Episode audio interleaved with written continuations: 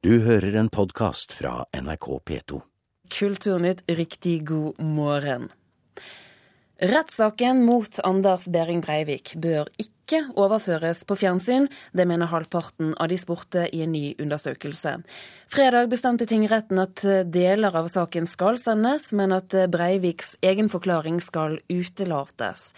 Mediene protesterer, men folk er redde for hva de vil få se hvis den tiltalte skal få opptre direkte på TV. Fordi man veit aldri hva som blir sagt. Eh, så hvis han plutselig setter i gang og skal fronte de meningene sine og synene sine sånn utenfor det han blir spurt om Man veit jo aldri hva som skjer, da, men det skiller seg jo ikke fra andre rettssaker sånn sett. Men uh... Dette syns jeg er forferdelig vanskelig. Han dukker opp oftere nå, med både navn og bilde. 33-åringen som er tiltalt for å ha tatt livet av 77 mennesker og skadet enda flere 22.07.2011. Det er en måned til rettssaken begynner. Ifølge en ny undersøkelse laget av Norstat for NRK, mener halvparten av landets befolkning at den ikke har noe på TV å gjøre. Jeg er litt usikker selv på hvor stort informasjonsbehov vi har for eh, detaljer og hans perspektiv. Jeg er bare lei av å se det i medier hver eneste dag. Og stenge meg ute.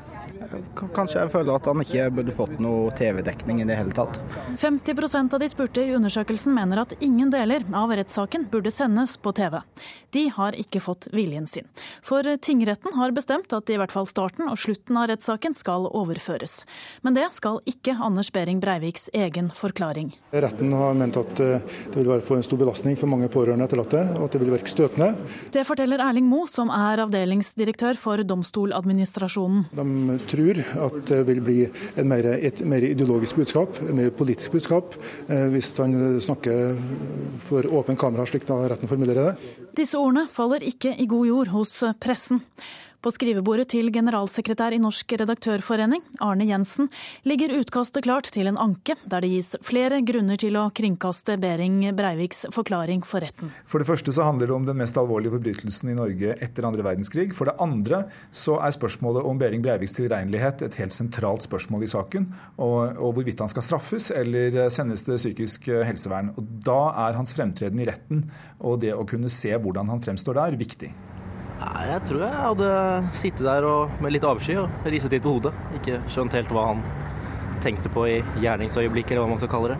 På den ene siden så blir man jo kanskje på en måte provosert av å tenke på at et menneske som gjør så mye skade, skal få lov å få så mye oppmerksomhet. Eh, men på den andre siden så må jeg jo tenke jeg jo mange ganger at det, vi har et rettssystem i dette landet som gjør at folk skal behandles likt, og de har rett til å uttale seg når man gjør noe. Hun er en av den tredjedelen av oss som ifølge undersøkelsen fra Norstat og NRK har tvilt seg frem til at det er greit med en begrenset TV-overføring. Halvparten av de spurte vil altså ikke ha noen overføring i det hele tatt, mens 15% mener rettssaken burde bli sendt i sin helhet. Folk under 30 er de mest positive til å sende alt på TV, mens eh, meningene ellers er påfallende likt fordelt over aldersgrenser og landsdeler. Det sa reporteren Pernille Amdal. Rettssaken i Oslo skal overføres til rettssaler andre steder i landet. Også Breiviks forsvarere jobber nå med en anke mot beslutningen om ikke å TV-overføre forklaringen hans. Psykiater og forsker ved Nasjonalt kunnskapssenter om vold og traumatisk stress, Grete Dyb. Halvparten sier altså nei til en rettssak på TV. Hva tror du er forklaringen til det? Altså For det første så tror jeg at folk flest ikke er så veldig vant til å ta stilling til et slikt spørsmål. Det er ikke noe som vi har vært vant til skjer i Norge. Og så er dette også en helt spesiell hendelse eh, som har berørt oss alle, og, og, som også handler om alles trygghet og sikkerhet. Når vi ser at uh, uskyldige ungdommer og, og, mennesker eh, som er på jobb, kan rammes av en, en slik hendelse, så det er klart at det berører oss absolutt alle. Men når det kommer til TV-overføringer og følge med rettssaken på TV, så er det vel knapt noen av oss som har gjort det før. Eh, I andre land så har det kanskje vært eh, mer vanlig. Sånn at spørsmålet i seg sjøl er jo kanskje helt nytt. Eh, og at de som har blitt spurt omtrent har delt seg i to, det, det sier vel mye om det. At vi er ikke helt sikre på hvordan vi vil oppleve det. Vi er ikke helt sikre på hvordan det vil virke på oss. Og vi er litt usikre på om det er riktig bruk av ressurser og tid og tankevirksomhet. Hva tror du om hvordan det kommer til å virke på oss? Jeg tror jo at eh, det har jo et, eh, et budskap i forhold til å forstå norsk rettssystem.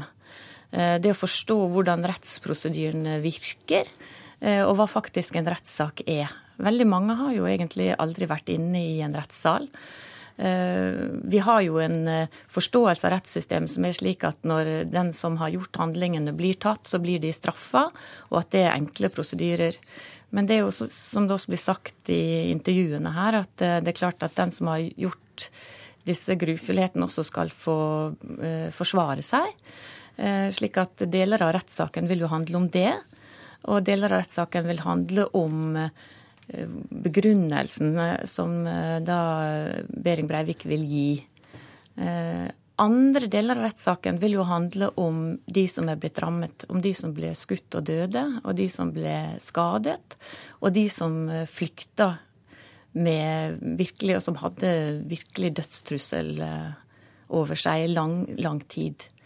Eh, slik at de delene av rettssaken, der vil det jo bli spilt ut ganske personlige historier. Eh, for, eh, også for de som fortsatt lever, og, og, som blir konfrontert med det på nytt. Hvordan kan dette påvirke oss, altså helt vanlige folk flest? Jeg tror at eh, de aller fleste av oss selvfølgelig vil, vil greie å, å, kunne se på noe sånt uten at vi får noen psykiske problemer av den grunn. Men for de som er ramma direkte, så er det en, en helt annen sak.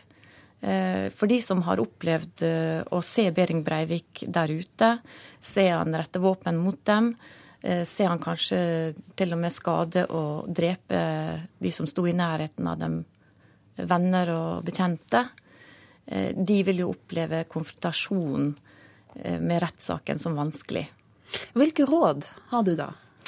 Ja, det er jo slik at Vi har jo veldig lite eksakt kunnskap om hvordan dette vil påvirke den enkelte. Eh, så vi har valgt å være åpent på det at dette må nok være veldig mye individuelle avgjørelser som den enkelte gjør. Men vi har trukket frem noen momenter som vi syns er viktig at eh, man tenker over før man bestemmer seg for om man skal se deler eller hele av det som eventuelt da blir kringkasta. Som f.eks.? Ja, f.eks. så syns jeg det er veldig viktig å tenke på at man har eh, begrensa med ressurser og energi for å greie hverdagen. Eh, og hvis det er slik at man skal bli opptatt med å se på rettssaken over mange dager og uker, så er det klart det går utover livet som sådan. Eh, og at det er kanskje viktig å rette ressursene inn mot å takle hverdagen sin og møte de oppgavene som vi har. Grete Dybbe, takk for at du var med oss eh, her i Kulturnytt. Vi skal gi ordet til Ragnar Årli, som er jurist og førsteamanuensis ved Universitetet i Bergen. Du har skrevet en doktoravhandling om publikums adgang til innsyn og til omtale av straffesaker. Dette med direkte overføring av rettssaker. Det er eh, ti år siden første gang det ble tillatt under Orderud-saken. Hvor vanlig er det i dag? Det er egentlig ikke spesielt vanlig, og det er heller ikke vanlig i Europa. TV-rettssakene kjenner vi først og fremst fra USA, der det er vanlig praksis. Der har man en egen TV-kanal, KTV, som viser regelmessig rettssaker. Men eh, i Norge skjer det egentlig veldig sjelden. Men eh, det er spesielt likevel at man i Norge åpner for å tillate det, og til en viss grad har tillatt det. Men det er veldig få saker som har vært vist i sin helhet. Har vi eksempler på det? Eh, altså Ankesaken for Høyesterett eh, som gjaldt eh, Kristin Kirkemo Haukeland, den ble sendt i sin helhet. Men det var jo da en sak uten tiltalte til stede, det var uten vitner, det var ingen jury, det var ingen bevisbedømmelse. Så det var på en måte en, en veldig lite sånn vanlig rettssak i den forstand som, som, man har da for tingretten, og som det nå er snakk om å direkteoverføring fra. Hvorfor er det slik at vi har en liberal praksis når det gjelder dette i Norge? Eh, det har dels en historisk forklaring. Altså, man har faktisk alltid i Norge hatt offentlig offentlige rettssaker. Altså at publikum har kunnet eh, være til stede Eh, uten å ha noe spesiell tilknytning til saken.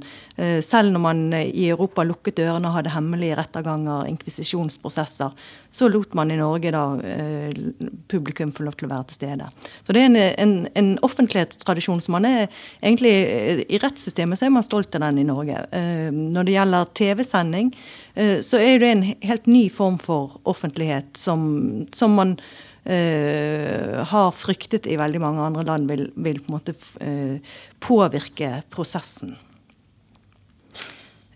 Gjør det det? Altså Påvirker prosessen? Vet man noe om det? Eh, det vet man egentlig veldig lite om. Altså Man har ikke klart å, å, å vise at uh, at juryen f.eks. blir påvirket av at eh, man har sett rettergang på TV i land der man har lengre erfaring med det, sånn som i USA. Så det er vanskelig å si noe.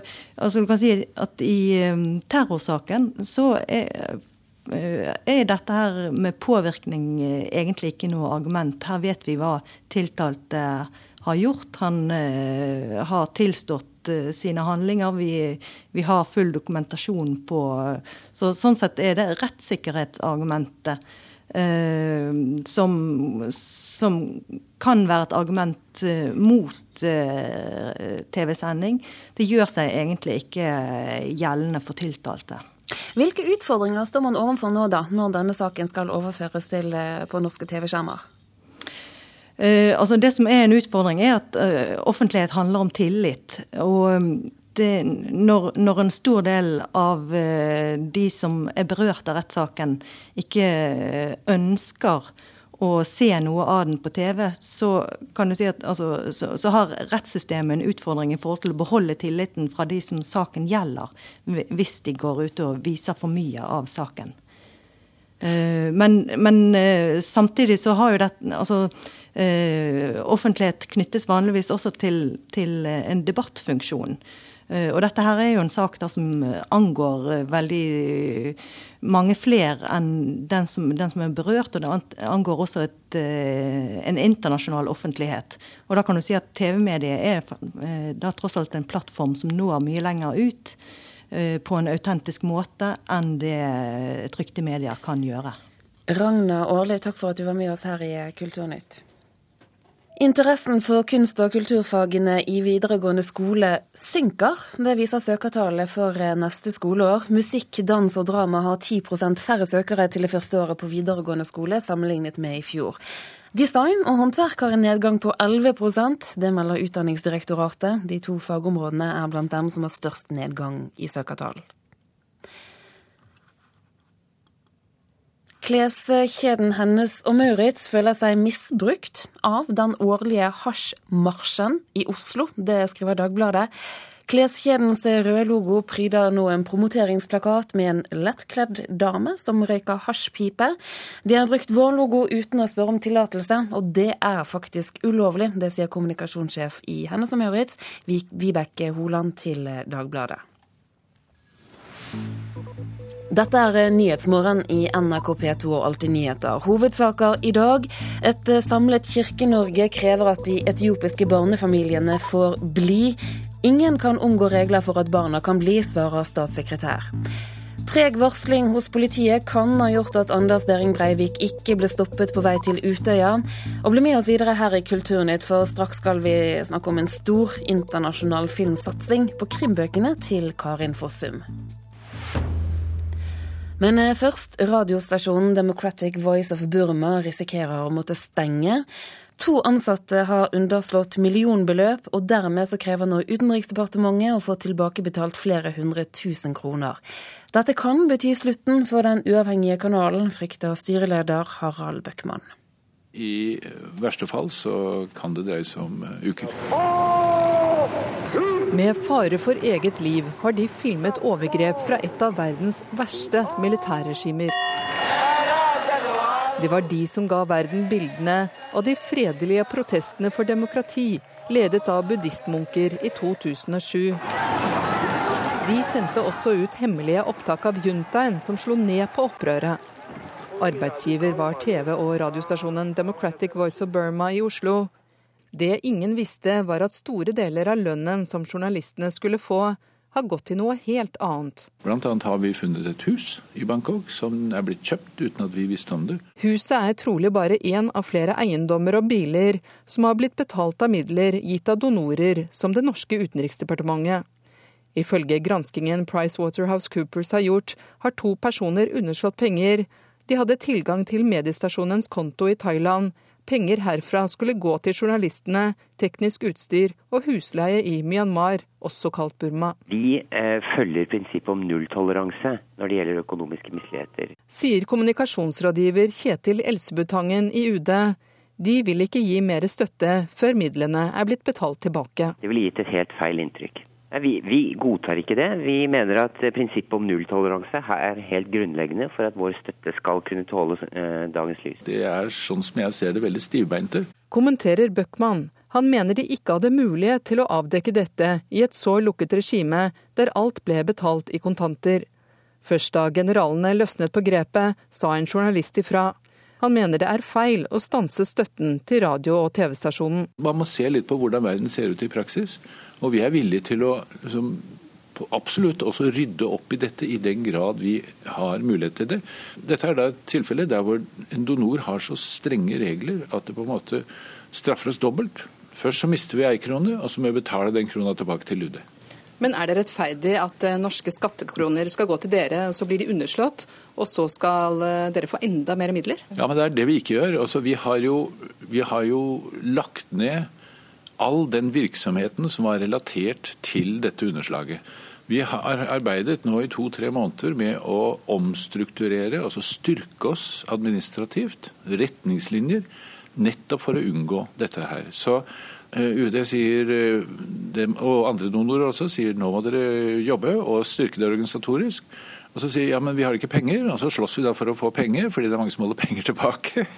Så det har vært en, det som heter på godt norsk etter hvert, heter catch 22. Også. Men fra UD kommer det ikke en krone før de får sine 800 000 tilbake. De eh, mottar ikke ny støtte til det samme prosjektet der det har vært midler som har vært underslått. Og Utenriksdepartementet understreker likevel at radiostasjonen får økonomisk støtte, men eh, da for den driften som ikke gjelder prosjektet der underslaget er gjort. Reporter det var Åse-Marit Befring. Karin Fossums bøker blir internasjonal filmserie. Et eh, svensk produksjonsselskap har kjøpt rettighetene til ti av Fossums krimbøker, og er i dialog med flere store internasjonale produsenter. Dermed så går Karin Fossum i fotsporene til sine skandinaviske krimkollegaer Stig Larsson, Jo Nesbø og Lisa Marklund, og hun er svært spent. Det er veldig spennende, for dette er jo en stor satsing. Selv om jeg allerede er filmet, så ville det vært veldig mye å si nei til. Så det, det takket jeg ja til. Det sier forfatter Karin Fossum. Den svenske produsenten bak filmen Snabba Cash har kjøpt rettighetene til å lage film av alle Fossums ti krimbøker, forteller produsent i selskapet Tre Venner, Jonas Fors. Fantastiske historier som er gripende. Vi tror at vi i publikum kommer oppskatte dem. De er jo mørke og hemske på sitt sett, men, men også varme. Derfor er de også en større utfordring å adaptere dem. Den som frykter ulven fra 2004 er en av flere av Karin Fossums bøker som er filmatisert tidligere. Men interessen for bøkene er så stor internasjonalt at aktører i flere europeiske land er med og finansierer det nye prosjektet, sier Foss. Men hvilke bøker som skal filmatiseres først, er ikke klart. Selskapet skal i første omgang lage to langfilmer for kino, som kommer til å koste over 100 millioner norske kroner. Og store amerikanske og europeiske filmprodusenter har tatt kontakt for å være med å lage engelske versjoner av bøkene. Eh, jeg kan ikke navngi eksakt hvilke det er vi er presis i forhandling, for det, det, får jeg ikke lov å gjøre. Men det er de absolutt største. Eh, man kan si at det finnes ikke ett enda bolag i USA som ikke ringer norske, svenske, danske produksjonsbolag som har rettigheter innom denne sjangerområdet, og til og med kommer og besøker oss. Jeg har vært i denne industrien i 20 år, og for fem-seks år siden så fikk man knapt møte med dem. Det, det, det er et veldig sug etter denne typen av produksjon. Vi vil produsere det her i Norge. Eh, og det, alt det vi produserer, produseres lokalt der det genereres. For det er en sånn viktig del av historien. Så at, eh, Det har vært vår ambisjon at vi skal produsere det på norsk. Så har det også kommet opp et antall muligheter fra veldig store internasjonale både amerikanske og europeiske store bolag att även producera engelskspråket i Norge. Selskapet leter nå etter en norsk medprodusent, og produksjonen av den første filmen basert på Karin Fossums bøker starter neste år. Det svenske selskapet Tre Venner etablerer seg nå i Norge for å komme tettere på det norske miljøet, sier Norges-sjef Sara Waldek. Grensene mellan de skandinaviska länderna har ju börjat, de flyter ut. Det skjer ju redan så mye samarbeid. Og mange produksjoner så har vi ju nor norske filmarbeidere og svensker i Norge. Så, att, så det känns blir bare også at det blir bara enklere. At man kommer nærmere miljön. Reportern var Eirin Venås Sivertsen. Fuck Up er en ny norsk-svart smuglerkomedie med nordisk stil om lurvete menn og nesten skikkelige kvinner. Vår anmelder Einar Gullvåg Staalesen synes innfallene og sidesporene er originale. Hæ? Herregud. Herregud, da. Hva da? Fuck Up er rølp. Den er komedie med hodebandasje og støttegrave. Den er svart, og den er morsom fordi den er enda svartere enn den forrige så i sjangeren. Den er frodigere også. Humoren er rik og holder seg original helt til slutt. Hovedideen er ikke original, ikke i det hele tatt. Den er nesten en klisjé. Den minner om sider ved Lillehammer. Det latterlige er tillagt guttene, og det noenlunde fornuftige er plassert hos jentene. Det er heller ikke originalt. Men en god del av detaljene, sidesporene og innfallene går utenpå mye av det som gjøres i svarte komedier. Filmen unngår bæsj, spy og plump sexhumor. Så er det elegant språkbruk i store deler av dialogen og kommentaren, selv når det snakkes stygt. Og filmen får oss til å le av tapere uten at vi kjenner oss brydd. Filmens analyse og livsvisdom kan sammenfattes i følgende. Når man har nådd bunnen, kan man alltids falle dypere. Alle feil er for seint å rette opp. Dette er Jack. Og dette er den dagen livet tok oss igjen. Den er en film med lurvete livsførsel og skitt i krokene, men med gode forsetter. Jack f.eks. har tenkt å satse på hjemmebane nå. Han har kone, og snart har han ambulanselappen og fast jobb også. Han har til og med til hensikt å slutte å pule turnuslegen. Ikke akkurat i dag, men snart. Det er bare så kjedelig at første oppdrag som ambulansesjåfør, under selve oppkjøringen, med instruktør, blir å plukke opp en god venn som har krasjet med en elg og er funnet liggende i veikanten sammen med elgen og en stor pakke kokain. Tar du bilen, så Hæ? Har du lånt penger av deg òg? Yes. Meg òg? Hvor mye da? 90? 90? Har du lånt 90 000 av deg? Ja, i går også. Nei, men for faen, han lånte 200 000 av meg! 200 000 lånte han inn! Han trengte penger, jeg har tatt det på huslånet mitt! Ja, da har vi tre. Hæ? Noe av kapitalgrunnlaget blir borte den dagen. På den utrykningen. Småbyen er ikke like fredelig lenger. Hvor er pakketet, og hvor er Glenn? Fuck Up er en glad smuglerhistorie med all den elendighet som kan samles i en halvannen times film. Det foregår i Halden og omliggende svensk-norske herligheter. Det er såpass stramt og lekkert skildret i ord og bilder og gjennom så gode typer og ryper at det sitter. Det norsk-dansk-svenske ensemblet er godt valgt og utmerket instruert. Jon Øygarden, han har ikke sett bedre. Anders Bosmo Christiansen, Tuva Novotny, Iben Gjeile, de er de mest toneangivende. Regissøren Øystein Carlsen er debutant med kinofilm. Han har skrevet manus selv. Jeg gratulerer. Og Einar Gullvåg Staalesen anmelder flere filmer i Mørkets opplevelser klokken 15.40 her på NRK P2. Du har hørt en podkast fra NRK P2.